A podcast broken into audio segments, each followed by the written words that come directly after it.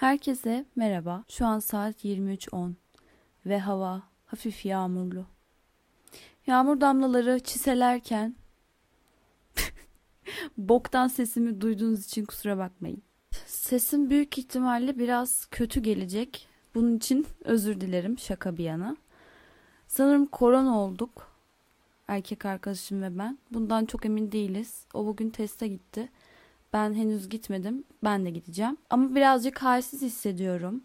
Birazcık sanki boğazım ağrıyor. Zaman zaman ateşim çıkıyor ve biraz da öksürüyorum. O yüzden sesim çok iyi gelmeyecektir. Ama yine de podcast'i çekmek istiyorum. Neden diyebilirsiniz? Çünkü çok uzadığını hissediyorum. Ve bekledikçe bir şeylerden hevesim kaçıyor. Hevesim kaçtığı zaman da biliyorum ki ben onu daha sonra yapmak istemeyeceğim. Böyle olduğu zaman zaten çok ertelemeyi ve tembelliği seven biri olduğum için çok çabuk kendimi vazgeçirebilirim. Bu konuda da aşırı ayran gönüllüyüm ama sonra yaparsın, başka bir şey yaparsın falan diyeceğim. Şu şekilde yapmak istiyordum. Onu da size anlatayım. Biraz süre geçmesini bir buçuk iki ay sonra başlamayı bekliyordum. Önce sayfa açacaktım. Biraz o sayfayla ilgilenecektim. Sayfayı geliştirecektim. Postlar paylaşacaktım. Belli bir takipçiye ulaştıktan sonra da podcast'i paylaşacaktım. Ve bu süreçte de aynı zamanda podcast'im için konular, konseptler, bazı belli başlı araştırmak için bir şeyler düşünmüştüm. Onları araştırıp güzel böyle bir şey hazırlayıp otomatiğe bağlayıp hafta hafta onları paylaşmak bu vesileyle de yoğun olduğum haftalarda da düzenli olarak podcast'e atabilmek, ulaştırabilmek istemiştim. Ama hiçbir şey planladığınız gibi gitmez tabii ki. Sınavlarım başlayacaklar. Çok kısa bir zaman kaldı bunun için. Sınavlarım geldiği zaman da podcast'i yapmak istemeyeceğim. Kendime bir bahane bulacağım. Çünkü sıkıştırmak istemeyeceğim bir şeyleri. O yüzden erteliye erteliye yapmayacağım ve artık buna bir dur demem gerekiyor. Bu podcast'i de şundan dolayı çok istiyorum. Artık hayatıma bir düzen gelsin. Yatma saatim asla belli değil. Kalkma saatim asla belli değil. Çok yorucu bir süreç. Bazı derslerime tamam online ama yine de devam ya da katılım olarak not alıyorsun. Girmek zorunda kalıyorum. Bazen yarım saat yatıp derse giriyorum. Bazen hiç uyumuyorum. Bütün dersler bittikten sonra uyuyup tekrar gece kalkıyorum. Böyle anlamsız bir döngünün içindeyim. Ne yaptığımı kendim de bilmiyorum. O yüzden bu podcast'in bana düzen getirmesini de umuyorum. bu arada e, sayfayı açtım. Sayfada gerçekten beklemediğim bir şekilde çok zorlanıyorum. Aslında bekliyordum ama biraz da küçümsedim sanırım. Dedim ki ya ne var ya herkes yapıyorsa ben de yaparım ne olmuş yani falan diye düşündüm. Hiç öyle değilmiş. Sen neyine güveniyorsun ki hayatında böyle bir fotoğraf bile editlemeyen bir insan olarak anca efekt koyuyorum yani fotoğrafa başka hiçbir şey yapmıyorum. Düşünün ben bilgisayar kullanmayı henüz hala bilmiyorum doğru düzgün. Bir şeyi yapmam 3 saat sürüyor. Mesela şeyi kondenser mikrofonlar var ya kayıt mikrofonları. Onlardan aldım sesim çok kötü gelmesin diye falan. Onu kurmak için bile 3 tane mi 4 tane mi ne video izledim. Halbuki herkes aynı şeyi anlatıyor. Yani ben anlamıyorum. Sorun bende. O yüzden birazcık teknolojiyle de aramı düzeltecek bu podcast. Öyle umuyorum. Ama yaptığım şeyler de içime siniyor yani. Bir de yapmak keyifliymiş açıkçası. Biraz böyle yavaş yavaş yapsam da bilmediğim için. Sürekli bakasım geliyor. Ay kim izledi acaba? Kim baktı acaba? diye. Biraz heyecanlı. Güzel bir şey. Bir de ben bir e, tanıtım hikayesi paylaşmıştım. Bu tanıtım storiesinde de birazcık kendimden bahsettim. Neden ne yapmak istediğimden bahsettim. Sonuna da böyle birazcık komik, şakalı falan bir şeycikler olsun istedim. Çünkü çok ciddi konuşmuşum gibi geldi. Giriş ücretsizdir. Pilav, tavuklu pilav verilecektir falan gibi bir şey yazdım. Daha sonrasında 5-6 kişi galiba dedi ki pilav olduğu için geldik. O an kendimi birazcık Facebook Mevlüt grubu gibi hissettim. Birazcık üzüldüm. Benden sadece çıkar elde etmek istediğinizi bilmiyordum. Ama yani çok keyifli ya. Gerçekten ben bayağıdır böyle sosyal medyadan tanımadığım birileriyle konuşmuyorum. Çok keyifli hissettirdi gerçekten. Şimdi gelelim bugünkü konumuza. Bugünkü konumuz birazcık ortaya karışık bir konu olacak. Hem beni daha iyi tanımanız açısından size bazı anılarımı, deneyimlerimi, okul hayatımla ilgili bir şeylerimi anlatacağım. Hem de burada birkaç değinmek istediğim nokta var. Onlardan da konuşmak istediğim için. Okul hayatı şu anlık güzel bir başlık. Aslında ben ilk podcastimin İstanbul Sözleşmesi olmasını istiyordum. O yüzden başlamayacağım halde daha erken başlayıp sayfayı kurdum ve hemen çalışmak istedim. Ama daha sonra hiç halim olmadığı için muhtemelen korona olduğum için ve okulum çok yoğun olduğu için onu detaylıca araştırmaya vaktim olmayacak. Çünkü ben onu büyük bir titizlikle yapmak istiyorum. Baştan sona kadar İstanbul Sözleşmesi ile ilgili her şeyi, her detayı açıklamak, okumak, araştırmak size öyle bir şeyler anlatmak istiyorum. O yüzden onun zamanı var. Büyük ihtimalle bir iki hafta sonra. Ama yapmayacağım bir şey değil. Yapmak istiyorum onu. Gelelim okul hayatıma. Şimdi ben önce ilkokulu İzmir'de başladım. Bu arada anlatacaklarım kafanızı karıştırmasın. Çünkü ben çok şehir değiştirmedim. Sadece iki şehirde yaşadım. Ama sürekli bu şehirlerin arasında mekik dokumak mı derler? Öyle bir şey yaptım yani. Sürekli ailemden dolayı ya oradaydım ya buradaydım. Onu da anlatacağım. Yani normal sırasına göre anlatacağım. Kafanız karışmasın. İlk önce ben İstanbul'da doğdum. Daha sonra biz İstanbul'dan İzmir'e taşındık. O zaman ben daha böyle okula gitmiyordum. Okula gitmeme 1-2 yıl falan vardı. Daha sonra işte orada or ilkokula başladım. İlkokulumun adı Atatürk İlkokulu'ydu. Herkesin öyle galiba. Bütün okulların adı Atatürk İlkokulu. Neyse. Ondan sonra benim ilkokul hayatım çok şeydi ya. Ben çok aşırı sessiz bir çocuktum. Çok utangaç bir çocuktum ya. Sokakta falan oynuyordum. Arkadaşlarım vardı ama böyle salak bir çocuktum ya biraz. Birisi bana bir şey dese hani böyle onu yapayım. Dışlanma korkusu mu artık nasıl denir bilmiyorum. Çok duygusal bir çocuk falandım. Her şeye ağlardım. Ama hani alenen böyle diye ağlamak değil. Böyle sürekli bir yerlere saklanıp ağlardım. İlkokulda da öyleydi. İlkokulum çok keyifliydi. İki tane çok yakın arkadaşım vardı. Yani düşünebiliyor musunuz? Bildiğiniz ilk önce iki tane arkadaşla başladım. Sonra biz bir grup olduk. Ee, çok yakın bir kız arkadaşım vardı. Adı Berfin'di. Ve sürekli onun evine falan giderdim böyle çok tatlıydı. Hatta ben onlarda kalırdım. Bazen beni eve göndermesinler diye uyuyor numarası falan yapardım. O kadar seviyordum. Böyle tatlı bir şeydi.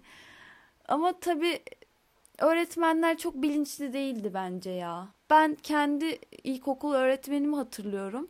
Birinci sınıf öğretmenimi. Üçüncü sınıfa kadar da oydu öğretmenim zaten. Bence bilinçli değildi ve insanları çocukları yani daha da kötü büyük bir insan değil çocukları çok kötü kolay rencide edebilen bir insandı. Beni rencide etti mi? Bana bir kere çok bağırmıştı ama niçin bağırdığını hatırlamıyorum. Tek bildiğim çok utandığım çünkü bu şey gibi bir şey değil yani. Annenin babanın sana evde bağırması gibi bir şey değil. Küçücük bir çocuksun. Sosyal bir ortamda dışlanmamak için böyle her şeyi yapabilecek yaştasın. Henüz bir olgunluğa erişmemişsin. İnsanlarla aranın bozulmamasını ve yargılanmamayı istiyorsun. Ve öğretmenin sana herkesin içinde hayvan gibi bağırıyor. O yüzden bence bu işi gerçekten yapamayacak insanlar lütfen yapmasın. Başka yerde iş yapın, başka yerde öğretmen olun, ne bileyim bir dershanede ortaokul öğrencileriyle uğraşın ya da lise öğrencileriyle uğraşın. Ama ilkokul gerçekten çok hassas bir şey. Unutulmayacak bir şey. Mesela bana söylediği şeyi unutuyorum ama bana hissettirdiği duyguyu unutmuyorum. Çoğu insanda da vardır bu tarz şeyler. Bu konularda da biraz fazla sinirleniyorum. Çünkü bir çocuğa bu tarz şeylerden dolayı kızamazsın. Tamam sen okuma yazmayı öğretiyorsun ama o çocuk aynı zamanda farklı eğitimler almak için de geliyor o okula. Sadece okuma yazma öğrenmeye gelmiyor. Ve herkes farklı aileden, farklı sosyal çevrelerden geliyor. Sen o çocuğa belki bilmediği bir şey yüzünden ya da yaptığı bir kabalık yüzünden kızamazsın. Çünkü belki onun yanlış olduğunu bile bilmiyor ki öyledir bu. Çoğu çocuğun ağzında mesela böyle daha kötü e, yerlerde diyeyim, biraz daha kötü semtlerde küçük çocukların sokakta oynarken ağızlarından küfür duyarız. bir sürü küfür duyarız. Sorsan anlamını bilmezler ama duyuyorlar ve ediyorlar. E şimdi ben bu çocuğa bunun için nasıl kızabilirim? Çünkü onun yanlış olduğunu farkında değil ki. Aynı şekilde öğretmenler de bazı konularda böyle düşünmeli. Bazı şeylere hayır o hani bir çocuk diye bakabilmeli. Gerçekten o kadar çıldırıyorlar ki karşılarında büyük bir insan varmışçasına acımasızca bağırıyorlar, acımasızca rencide ediyorlar. Yok tahtaya kaldırmak, yok arkasını döndürmek, cetvelle vurmak. Yani ben hiç şiddet görmedim. Ama vurdukları vardı mesela. Bazı öğretmenlerin bazı çocuklara vurdukları vardı. Umarım hala öyle şeyler yoktur. Şimdi çok duymuyorum ben ya. Bence cesaret edemiyorlar ama bizim zamanımızda biraz daha fazla ve bizden önceki zamanlarda daha fazla cesaret edebiliyorlardı bu tarz şeylere. Her neyse bu konuyu daha fazla uzatmayacağım çünkü içinden çıkılacak gibi değil. Daha sonra ben ortaokula geçtim. Ortaokuluma ama şu şekilde oldu. Ben 3. sınıfa kadar oradaydım dediğim gibi. Daha sonra biz tekrar İstanbul'a taşındık. Ortaokula 4. sınıfa burada devam ettim ben. Benim ablalarımın ilkokul okuduğu okulda okudum. Güzeldi o benim için. O okul seviyordum ben ama şöyle bir şey vardı. Okulda çok fazla gruplaşma vardı. Tabii ki artık biraz daha yaşımız büyüdüğü için falan. Dördüncü, beşinci, altıncı sınıftan bahsetmiyorum ama daha çok ergenliğin tavan yaptığı böyle herkesin kendini aşırı bir bok sandığı ben de dahil bir dönem. Benim en nefret ettiğim dönemim ortaokul dönemim. 7. ve 8. sınıf dönemim. Çok eğlendiğim zamanlar oldu. Arkadaşlarım vardı yine bir grubumuz vardı böyle.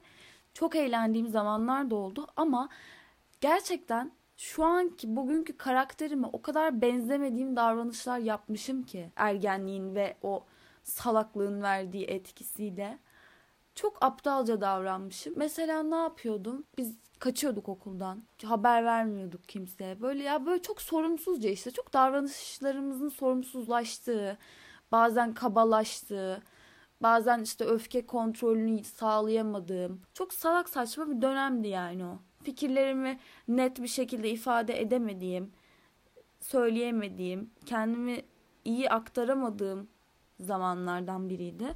O yüzden çok haksızlığa uğradığım da oldu. Ama onlar da bir şey katıyor ya deyip geçmek istiyorum. O dönem çünkü gerçekten utanç ya. Bir de ben ilk o dönemlerde böyle aşık olmuştum. Ya ilkokulda da aşık olmuştum ama o çok sayılmazdı sanırım. Aşk değil de işte yani ne aşkı ya? Bok kadarsın 12-13 yaşındasın. aşk değildi de. İlk böyle birine karşı bir şey hissettiğim dönemlerden biriydi. İlkokulu saymazsak. Öyle. O yüzden de böyle kendimi çok fazla üzdüm, hırpaladım. Klasik ergenlik işte. Dünyanın sonu zannediyorsun. Halbuki bir sürü başka dertle uğraşmışsın. Bir sürü e, problemlerin olmuş. Bu en küçük şey ama inat ediyorsun ve onu üzülesin tutuyor. Yani onu umursayasın tutuyor. Çok garip bir şey. Hormonlardan mıdır nedir artık? Ortaokul dönemi olarak da şunu çok net söyleyebilirim ki yani benim gözlemlediğime göre eskiden biz böyle vücudumuzla ilgili şeyleri kompleks haline getirirdik. Ergenliğe giren her genç insanda olduğu gibi vücudumuzda böyle bir şeylerden hoşnutsuzduk. Ama bunun yaşı çok düştü artık. Bir araştırmaya göre kızların 6 yaşına geldiklerinde kendi ağırlıkları ya da işte vücut şekilleri hakkındaki endişelerini dile getirmeye başladığı görünüyormuş. Bunu Ulusal Yeme Bozukluğu Derneği yapmış. Amerika Birleşik Devletleri'nde ilkokul çağındaki kızların %40'ı ila %60'ı arasında bu bedensel şikayetlerini dile getirme varmış, yaygınmış. Ben de bununla alakalı bir şey söyleyeyim.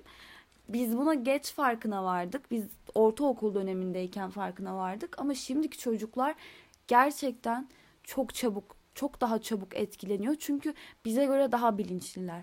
Örneğin e, benim yeğenim çok böyle sağlıksız bir kiloda değil. Küçük daha 6 yaşında ama biraz kilosu var. Yani sağlıksız değil dediğim gibi ama birazcık kilosu var ve yapı olarak da iri bir çocuk, uzun boylu bir çocuk.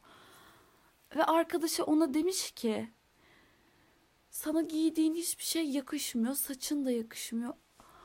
Allah'ım yani bok kadarsın tamam mı? Bok kadar bir çocuksun daha kendi götünü silemiyorsun. Ve başka bir çocuğa body shaming yapıyorsun. İnanılır gibi değil. Çocuklar çok acımasızlar ya. Gerçekten ve sen nereden biliyorsun? Sen neye göre karar verdin ki buna mesela? Çok değişik ve çok sinir bozucu. İşte o yüzden aileler böyle çocuklarını yanında saçma sapan konuştuğunda çok sinirleniyorum.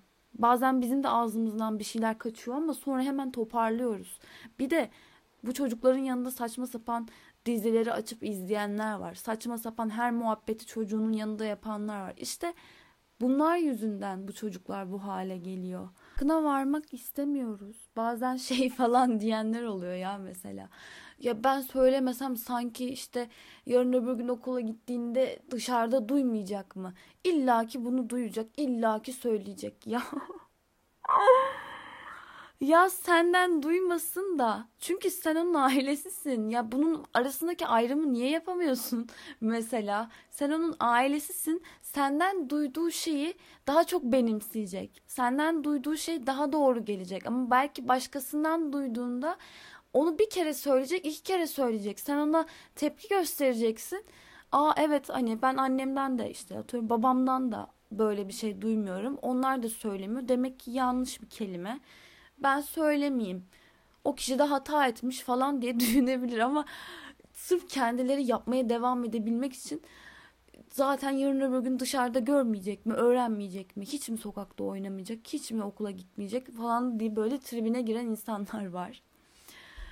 Bir türlü bu insanlar kendi önemlerini falan kabul etmiyor çocuklar üzerindeki. Sonra çocukları kötü bir şey yaptığı zaman mahcup olduklarında ne oluyor? Ya çocuğa kızıyorlar, ya çocuğu cezalandırıyorlar, ya çocuğu dövüyorlar.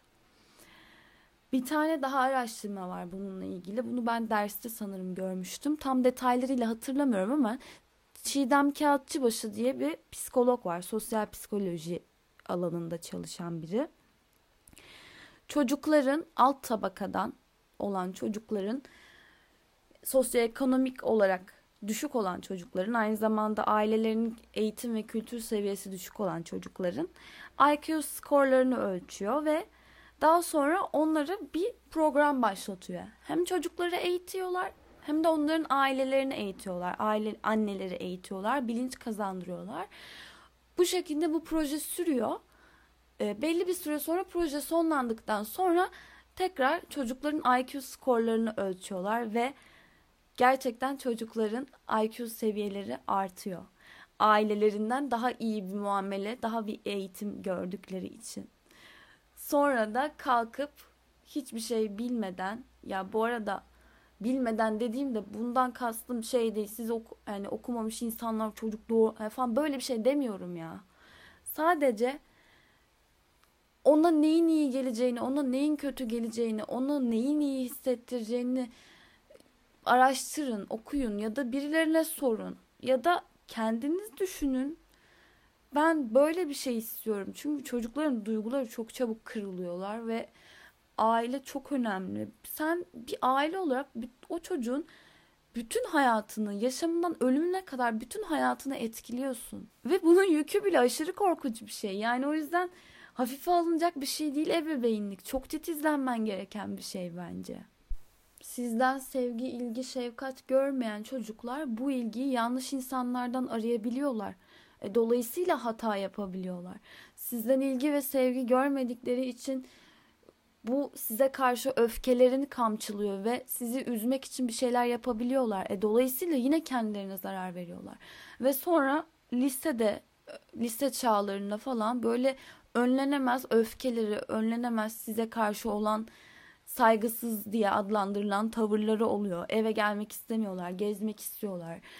İlişkileri hatalı oluyor, arkadaşlıkları hatalı oluyor. Hepsi bu yüzden aslında. Sevgisizlik, ilgisizlik, doğruya yönlendirmemek ya da doğruya yönlendirmeye çalışırken yanlış bir dille yönlendirmek gibi gibi gibi.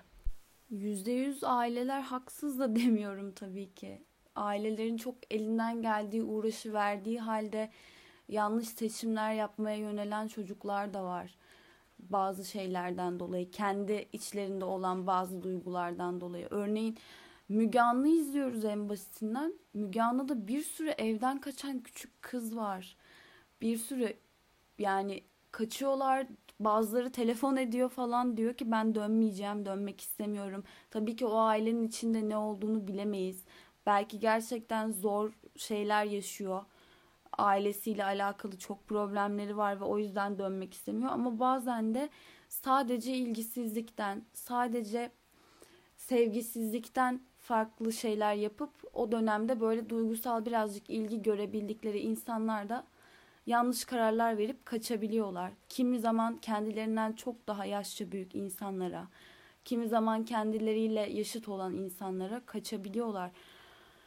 Bir şeylerden çocukları korumak istiyorsak önce kendi dilimizi ve davranış biçimimizi değiştirmemiz gerektiğini düşünüyorum ben. Bir de bir kitapta okumuştum. Dört arketip miydi? Kitabın adını tam emin değilim şu an. Evleneceğin insanı buna göre seçiyorsun. İleride nasıl bir insan olacağını buna göre seçiyorsun. Yani ailenin sana olan davranış biçimleri. Yani klasik hani Oedipus elektra kompleksi falan dediğimiz şeyler var ya. Onların biraz daha kapsamlı bir şekilde anlatılan böyle dört tane stereotipe ayrılan bir şeyden bahsediyor ve bunu arketip olarak adlandırıyor. Orada da ailenin karakterimizi ne kadar etkilediğini vurgulamaya çalışıyor. Yani güzel bir kitaptı ama tekrar okumam gerek. Çok detaylı hatırlamıyorum. Yani öyle demem o ki aileler çocukların üzerinde gerçekten çok etkililer. Hiçbir şeyin yüzde yüz suçlusu değiller ama önemli bir faktörler diyeyim ve en çok konuşmak istediğim lise dönemine geçeyim. Ben lise dönemimde tekrar İzmir'e gittim. Biraz kafanız karışmış olabilir. Ortaokulu burada tamamladım. E, lise sınavına burada girdim. İstanbul'da girdim. Daha sonra puanım açıklandı. İzmir'e tercih yaptım. İzmir'e gittim. Ablam orada yaşıyordu. Onun yanına gittim. Orada lisemde böyle ya klasik bir liseydi aslında. Yani her tipten insan vardı işte. Kimisi çok çalışkandı, kimisi çok ne diyeyim komikti, kimisi çok havalıydı. Böyle her tipten insan çeşitleri vardı. Her tipten de arkadaşım oldu. Ben o tiplerden hangisiydim bilemiyorum. Çünkü lisede böyle çok kendime dair bir şeyler bildiğimi düşünmüyorum. Nasıl bir karakter olduğumu henüz çözememiştim. Belirli tutarsızlıklarım vardı. Bazen böyle çok hata yapabiliyordum. Birilerinin kalbini kırabiliyordum. Çok da pişmanım yani. O tarz şeyleri böyle bazen gece düşünürsünüz ya. Aklıma geldikçe kendimden nefret ediyorum. İnsanın kendi adına utanması kadar iğrenç bir şey yok. Ondan sonra bazen de işte çok iyimserdim, çok iyiydim, çok eğlenceliydim. Ama genel olarak liseyle alakalı hatırladığım en keskin şeylerden biri kendi bedenimle alakalı bu komplekslerim, bundan dolayı mutsuzluklarım. Çünkü gerçekten kendimi sevmiyor gibiydim. Çok yanlış olduğunu şu an biliyorum ama o zaman bilemiyordum. O duygusallıkla, o ergenliğin verdiği şeyle bilemiyordum bunu ve kendimi sevmiyordum. O zamanlarda ben çok zayıftım. Gerçekten çok zayıftım. Aslında ben çocukluktan beri çok zayıf bir çocuktum. Uzun boylu zayıf bir çocuktum yani. Sadece bebekken kiloluymuşum. O da zaten kilolu olduğum son dönemimmiş yani. Sadece bir yıl kilolu kalabilmişim. Neyse. Böyle işte çok zayıf bir çocuktum. Hatta 42 kiloydum ben sanırım 9. sınıfa başladığımda. Ve bundan çok rahatsızdım. Kendime hiçbir şey yakıştırmıyordum. E, dolayısıyla böyle renkli cıvıl cıvıl giymek bile istemiyordum. Siyah giyiniyordum. Pantolon ve taytlardan nefret ediyordum. Çünkü pantolon ve taytlar böyle bacaklarım çok ince olduğu için bana hiç yakışmıyor gibi geliyordu ve sanki ben pantolon ya da tayt giydiğimde herkes bana bakıyormuş gibi geliyordu. Yazık etmişim kendimi böyle bir kafaya girerek ama oluyor yani hepimiz yaşıyoruz bunları çok yanlıştı. Farkına varabilmeme sevindim. Bazı yaşıtlarım var. Hala böyleler. Şu an görüşmediğim insanlar var ama yani çok kompleksli olduğunu bildiğim insanlar var. En azından şu anki dönemimde onu törpülemiş, onu aşmış, kendi bedenimi seviyor olmam çok mutlu ediyor beni. Çünkü örnek vermek gerekirse bende egzama tarzı bir hastalık var. Ve e, güneş aldığı zaman vücudumun rengi değişiyor. Bayağı koyulaşmaya başlıyor ve o e, yara oluyor. Zaman zaman döküntüler oluyor vücudumda. İşte sivilcemsi ama sivilce olmayan bir şeyler çıkıyor. İslik diye adlandırabileceğim şeyler. Aynı zamanda suya karşı bir alerjim var. Bazen onların yaraları da kalıyor. Onlar da kaşınıyor. Bunlarla ilgili ilaç kullanıyorum falan. Ama bir yere kadar tabii ki bu ilaçlar geçirebiliyor. Çünkü bu genetik ve sürekli tekrar edebilecek bir şey. Düşünüyorum şu anki yaşadığım bu sıkıntı o dönemde olsaydı kendimden daha da çok nefret ederdim. Ama şu an hiçbir problemim yok. Yani istediğim şey giyiyorum. Lekelerimin görünmesi umurumda değil. Kollarımdaki sivilceler umurumda değil. İşte bazen tüylerimin, kıllarımın uzaması, çıkması umurumda değil ve gerçekten çok mutluyum. Çünkü bizi özellikle kadınları küçük yaştan beri öyle bir şeye inandırmışlar ki o kadar kusursuz olmamız gerektiği konusunda bir algıya bizi maruz bırakmışlar ki diyorum ya 6 yaşından itibaren çocuklar kendi bedenleri hakkında özellikle kız çocukları kendi bedenleri hakkında şikayetlerini dile getirmeye başlıyorlarmış ve bu çok korkunç bir şey. Aynı zamanda başka bir araştırmada da kadınların hayat boyu kendi bedenleriyle ilgili şikayetleri olduğu Erkeklerin ise belli bir yaştan sonra daha da çok rahatladıkları ve bu konuyla ilgili bir sıkıntılarının, şikayetlerinin kalmadığını gösteriyor. Çünkü her şey bizim bedenimiz üzerinden dönüyor. Kadınların bedeni üzerinden dönüyor ve bu çok iğrenç bir şey. Umarım artık şimdi olacağını hiç düşünmüyorum. 2021'deyiz ama hala en ufak arpa boyu kadar bir yol kat edemediğimiz için umarım Belki biz göremeyiz ama çocuklarımız falan böyle çok harika, eşit, mükemmel, süper bir dünya görebilir ve istedikleri gibi davranmaktan çekinmeyecekleri bir dünyada yaşarlar. Tek temennim bu şu anlık. Neyse lise dönemime tekrar geçeyim. O zamanlar işte ben çok e, kendine güvenen biri değildim. Ama nispeten biraz daha e, açılmıştım ortaokul dönemime göre. Daha böyle rahattım kendimi daha iyi ifade edebiliyordum. E başlarda tabii ki zorlu oldu benim için. Çünkü birazcık farklı bir tip gördüklerinde insanlar ona karşı fazla bir ön yargı geliştiriyorlar ve benim dış görünüşüm gerçekten ne var benim dış görünüşümde bilmiyorum ama zayıflığımdan dolayı yüz hatlarımın böyle birazcık içine göçük olmasından mıdır nedir şimdi öyle değil ama o zaman öyleydi. Neden bilmiyorum. Soğuk bir hava veriyorum insanlara ve insanlar bana karşı çok ön yargılı oluyorlar beni tanımadan önce. Ama genelde tanıdıktan sonra çok kere benden özür dilendi falan. Ben senin hakkında böyle düşünmüştüm ama gerçekten çok yanılmışım, çok pişmanım diye. Ben de bu duruma aşırı derecede alışmış durumdayım. Hatta bazen yeni tanıştığım insanlara diyorum yani beni sevmediysen söyleyebilirsin falan diye. Hani başta beni sevmediysen tanımadan önce söyleyebilirsin falan diyorum. Benim bir tane e, lise anı defterim var. Ben 11. sınıfa geçmeden ayrılmak zorunda kalmıştım liseden. Tekrar İstanbul'a taşınmam gerekti çünkü. O anı defterimde istisnasız her böyle arkadaşımın yazdığı şey başlarda seni çok itici buluyordum. İşte çok zayıf kibrit çöpü gibiydin, şöyleydin, böyleydin diye başlayıp sonradan beni ne kadar çok sevdiklerini ve ne kadar özleyeceklerini anlatıyorlardı. Hoş şimdi birçok kişiyle görüşmüyorum ama o normal ya ortamın değiştikçe, yaşadığın şehir değiştikçe ister istemez bir kopukluk oluyor. Tabii ki ben bazı insanları gerçekten hala çok sevmeye devam ediyorum. Bazı insanların da beni çok sevdiğini biliyorum ama araya mesafe, zaman, işte yeni bir hayat, yeni bir yoğunluk girdiği zaman ne yazık ki her şey çok kalıcı olamıyor. Lise dönemimde çok fazla böyle arkadaşım olmadı. Ben zaten kişisel olarak çok dışarıda durmayı seven, çok gezmeyi seven, etrafında bir sürü insanın olmasından hoşlanan biri değilim. Hiçbir zaman da olmadım. Belki bazı insanlara göre daha çok arkadaşım vardır ama sürekli görüştüğüm, sürekli konuştuğum insan sayısı gerçekten çok az ve o dönemde de öyleydi. Sürekli benim evimde toplanırdık, yemek yapardık, eğlenirdik. Böyle dışarı çıkmaya ihtiyaç bile duymazdık zaten çok eğlenirdik o evin içinde geçen muhabbetlerden yemek yaparken, oyun oynarken falan aşırı eğlenirdik. Liseyle alakalı söylemek istediğim şey aslında benim e, body shaming olayı ve slut shaming olayı. Listede gerçekten bu çok yaygın ve bu geçmeyecek bir şey bence. Yani benim zamanında da vardı, eminim şu anda vardır, belki daha şiddetli bir şekilde vardır. Ve ne yazık ki olmaya da devam edeceğini düşünüyorum. Çünkü insanların ergenlikteyken özellikle özgüvensizliklerini dışa vurma biçimleri çok kırıcı oluyor. Bunu zaman zaman ben de yaptım.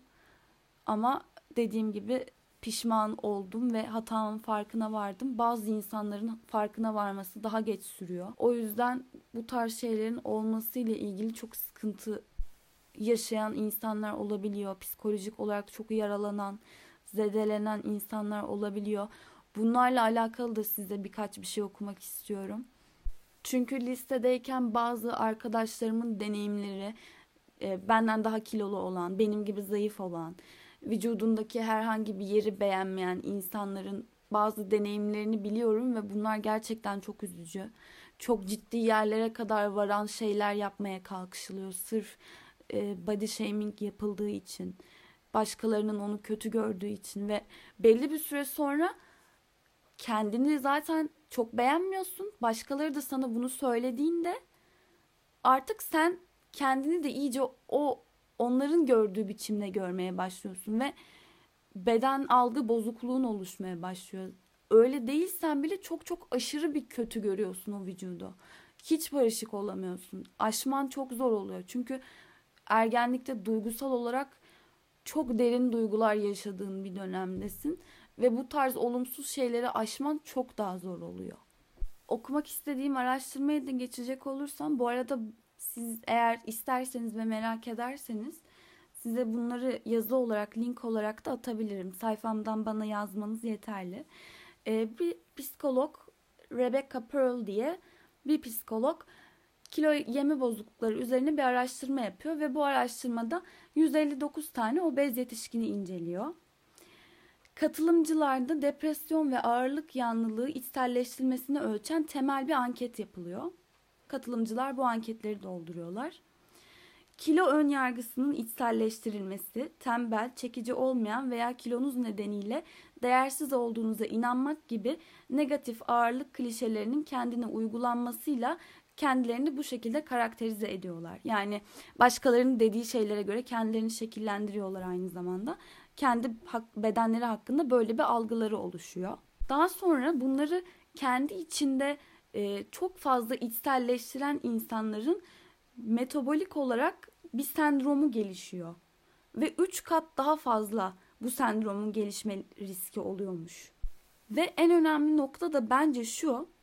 E, araştırmacı psikolog diyor ki damgalamanın obezite hastalarını kilo vermeye ve sağlıklarını iyileştirmeye motive etmesine yardımcı olabileceğine dair yanlış bir kanı var. Bunun tam tersi bir etkiye sahip olduğunu görüyoruz. İnsanlar kilolarından dolayı utandıklarında egzersizden kaçınma ve bu stresle başa çıkmak için daha fazla kalori tüketme olasılıkları daha yüksektir. Bu çalışmada içselleştirme arasında önemli bir ilişki belirledik. Kilo ön yargısı kötü sağlığın bir göstergesi olarak fiziksel bir sendroma da dönüşüyor. Fiziksel olarak da mental olarak da seni daha fazla etkiliyor. Yani bazı insanlar şey derler ya bunu da o yüzden bu kadar önemli buldum. Atıyorum çok zayıfsındır benim gibi. Sana der ki ya çok işte sen güzelsin ama kilo alsan daha iyi olur. Böyle çok kemik gibi duruyorsun. Ya da böyle gülerek işte ay bu ne ya böyle kırılacak gibisin. Ay sarılmaya korkuyorum falan derler ya. Ya da seni böyle motive ettiklerini zannedip kilo al ya falan derler. Aksine kilolu insanlara da ay kilo versen daha iyi olur. ya çok böyle örneklendiremedim ama siz zaten o şeyleri biliyorsunuz. Belki zaman zaman boş bulunup benim de yaptığım oluyordur.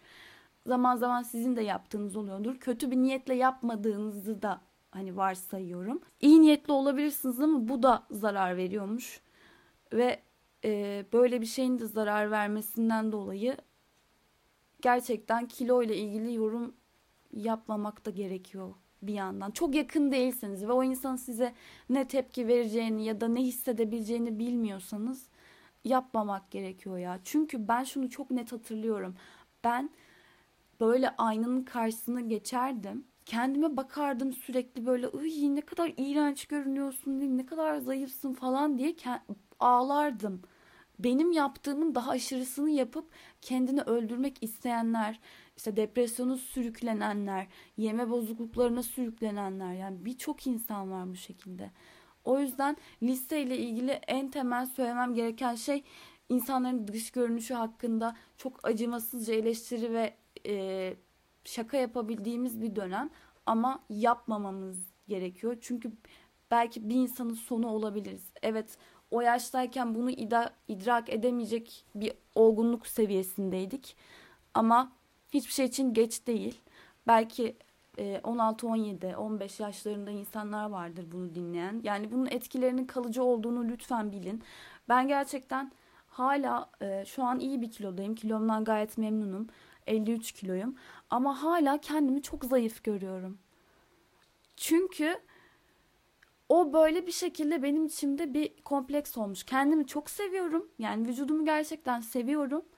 Ama hala kendimi çok zayıf hissediyorum. Arkadaşlarım bana diyor ki hayır sen zayıf değilsin. Senin kilon normal. Sadece boyun uzun. O yüzden kendini olduğundan daha zayıf görüyorsun falan diyorlar. Ama işte o kafaya yerleşmiş ve bazı yerleşen şeyleri atmak çok zor. Benim bunlar dışında lise dönemi hakkında söylemek istediğim şeyler birincisi çok iyi arkadaşlıklar edindim. İkincisi çok kötü arkadaşlıklar da edindim ve bu bana ciddi miktarda ders verdi. Artık böyle daha çok mukayese edebiliyorum kime güvenip kime güvenmeyeceğim ya da daha temkinli olabiliyorum bazı şeylerde. Ve bunları yaşadıktan sonra güvendiğiniz insanlara daha çok güvenip daha çok sevesiniz geliyor. Yani iyi arkadaşlık kurduğunuz kişilere. Temellerinizi böyle daha sağlamlaştırıyorsunuz. Çünkü çok fazla haksızlığa uğramışsınız ya da çok fazla kötü tecrübe yaşamışsınız arkadaşlıkla ilgili. Bu sizin gözünüzü açıyor ve değer verdik değer verdiğiniz insanlara o aranızdaki saygı ve sınırları çizmeden, aşmadan daha doğrusu, aşmadan onlara sevginizi belli edebiliyorsunuz. Hiç böyle toksik bir şeyiniz olmuyor o arkadaşlarınızla. İstediğiniz zaman işte ben gelmek istemiyorum diyebiliyorsunuz. İstediğiniz zaman e, yardıma ihtiyacınız olduğunu söyleyebiliyorsunuz. İstediğiniz zaman onun iyiliği için ona bir takım eleştirilerde bulunabiliyorsunuz ya da ondan size bulunmasını istiyorsunuz. O yüzden lise bence güzel bir dönemdi bu tarz şeyleri anlayabilmek için ve kendi kişiliğinizi inşa edebilmek için tatlı bir dönem. Liseye giden insanlara tavsiye olarak ne söyleyebilirim? Ders çalışın. yani ders çalışın çünkü şu an çok kötü dönemlerden geçiyoruz ve Evet ben bunu yapmadım ama keşke yapsaydım. Çünkü insan her zaman kendini daha iyi yerlerde görmek ister. Evet hayatımdan mutluyum. Yaptıklarım için de, yapmadıklarım için de böyle belli bir mantık çerçevesine oturttuğumda tamam sen bunu yapabildin, bunu yapamadın. Bazen de denedin ama başaramadın. Ama bunun sonucunda hala güzel bir hayatın var. İyi kötü bir şekilde idare edebiliyorsun bazı sorunların olsa bile seni seven arkadaşların var, çevren var. Ee, senin de kendini sevdiğini biliyorsun. Kendine de güvenmen gerektiğini biliyorsun. Olmadıysa olmadı falan deyip geçebiliyorsun. Ama tabii ki bir yandan da yapabilecekken daha iyisini yapmak her zaman daha iyi. Geriye dönüp baktığında ne kadar az pişmanlığın olursa bu daha iyi. Bu daha rahat bir gelecek sağlayacak. Bir de dediğim gibi ekonomik durum, ülkenin sosyal durumu, insan ilişkileri yani bu tarz şeyler açısından birçok eksiğimiz var.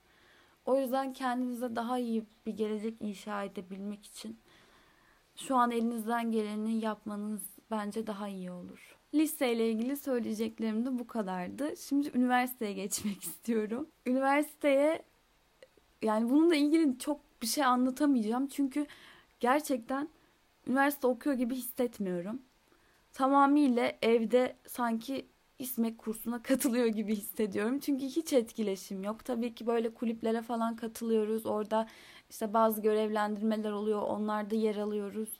Derslerde sohbet ediyoruz. Hocalarım çok iyi. Gerçekten çok şanslıyım bu konuda. Çok iyi hocalara denk geliyorum. Hepsi böyle açık görüşlüler, fikirlerini paylaşmandan yanalar ve diyorsun ki oh üniversitedeyim. Hani bunu hissedebiliyorsun. Çünkü lisede biraz daha kısıtlayıcı o durumlar ama üniversitede kendini daha özgür, daha net ifade edebiliyorsun. Ben hazırlık da okudum.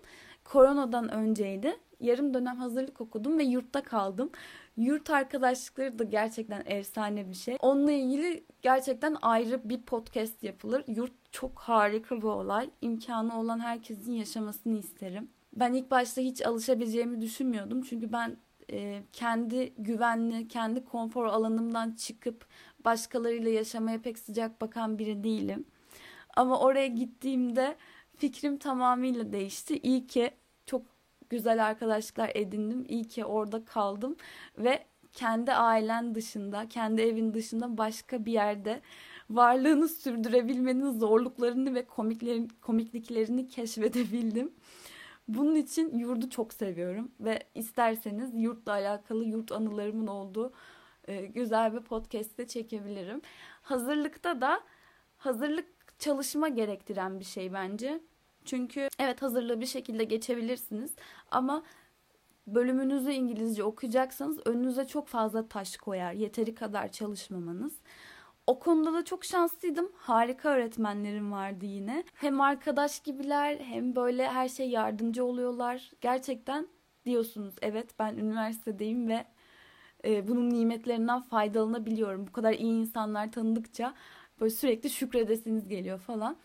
Her neyse hazırlık dediğim gibi çalışma gerektiren bir şey. Çünkü sonuçlarını acı acı ödeyebilirsiniz. Örneğin sınavlara girdiğinizde bir soruyu anlayamamanız size çok şey kaybettirir. Cevabını bildiğiniz bir şeyse ama siz bunu anlayamıyorsanız bu çok bir şey kaybettirir. O yüzden hazırlık hafife alınmamalı. İleride özellikle yurt dışında planlarınız varsa, Erasmus'a gitmek istiyorsanız, work and travel gibi yerlere gitmek istiyorsanız hazırlık her şeyin başladığı, hiçbir şekilde utanmadan, çekinmeden en temel, en basit şeylerden başladığınız güzel bir ortam. Tabii ki e, hazırlıkta temel şeyleri görüyorsunuz ve kendinizi geliştirmeye devam etmeniz gerekiyor. Çünkü hazırlık temel bir İngilizce. Bölüme geçtiğinizde kendi bölümünüzle ilgili daha işinize yönelik, daha onun akademik terimlerini içeren kelimelerle ve metinlerle karşılaşıyorsunuz. Tabii ki yine kendinizi sürekli yenilemeniz gerekiyor. Bunu söyleyebilirim. O yüzden bu ciddiye alınacak bir iş. Gerçekten sürekli İngilizce çalışmanız gerektiğini, sürekli tekrar yapmanız gerektiğini, sürekli bu metinlerle uğraşacağınızı, bunlarla ilgili yazılar yazmanız gerektiğini bilerek İngilizce bölüm seçin ve bunu bilerek hazırlık okuyun. Çünkü hafife almayın hazırlığı. Hazırlık çok keyifliydi. Hazırlıktan bir sürü arkadaşım oldu. Hazırlıktaki arkadaşlarım ilk defa şeyi hissettim. Kendimi bir ortamda çok rahat ifade edebildiğimi hissettim. Önceden böyle e, benim hakkımda dış görünüşümden dolayı çok yargılı oldukları için insanlar çok yaklaşamıyordum kimseye. Çünkü kötü algılanmaktan korkuyordum lise dönemimdeyken. Hatta 2-3 e, ay falan ben listenin başlarında hiç arkadaş edinemedim. Şimdi ama böyle hazırlığa gittim. İlk haftadayım falan. Bir tane çocuk var. Sürekli gülüyor tamam mı bir şeylere. Ya ben de sabahın köründe kalkıyoruz. Bir sürü yol çekerek geliyoruz. Ve gerçekten yorgunsun, hayat enerjin yok, tatilden çıkmışsın, uyku düzenin çok kötü sürekli gülüyor çocuk falan. Ben de oturuyordum sıramda şey dedim. Senin bu kadar gülebilmen benim çok sinirimi bozuyor. Nasıl oluyor da bu kadar gülebiliyorsun bu saatte kalkıp? Bu nasıl bir hayatı sevmek falan tarzı bir çıkıştım çocuğa ama hani şey olarak değil kötü anlamda değil. O an böyle imrendim ona. Daha sonra çok yakın arkadaş olduk. Ba- bayağı güldü yani lisede olsaydık büyük ihtimalle kavga edecek tipler olurdu böyle bir şey söylediğim için. Ben de gülmeye başladım. Daha sonra çok harika bir dönem geçirdik. Keşke bütün bir yılını da okulda tamamlayabilseydim hazırlığın. Çünkü yarım dönem sonra korona oldu ve bizim evlerimize dönmemiz gerekti. Böyle toplanırdık, kafelere giderdik 10 kişi yemek yemeye. Çok böyle tatlı bir ortamdı ve herkesin çok komik oldu. Yani o da benim şansıma. Herkes aşırı komikti. Bir tane bir şeyi tutturuyorduk mesela. O kelimeyle sürekli o kelimeyi söylüyorduk. Ama herkes buna gülüyordu. Bir kişi de demiyordu ya salak mısınız siz ya sürekli aynı şeye gülüyorsunuz falan. Bir kişi bile söylemiyordu böyle bir şey. Çok güzeldi. Benim anlatacaklarım bu kadar bu konu hakkında. Daha sonra zaten ara ara böyle aklıma farklı bir şeyler gelirse size de anlatırım. Farklı anılarım falan olursa size de anlatırım. Onun dışında bu kadar. Daha sonra bölümümle alakalı bilgi edinmek isterseniz, nasıl olduğunu, nelerin zorladığını, nelerin zevkli olduğunu duymak isterseniz bunlarla alakalı da bir podcast yaparım. O zamana kadar istediğiniz konuları, sormak istediğiniz soruları bana sayfamdan yazabilirsiniz. Herkese görüşmek üzere. Kendinize çok iyi bakın. Korona bebek kaçıyor.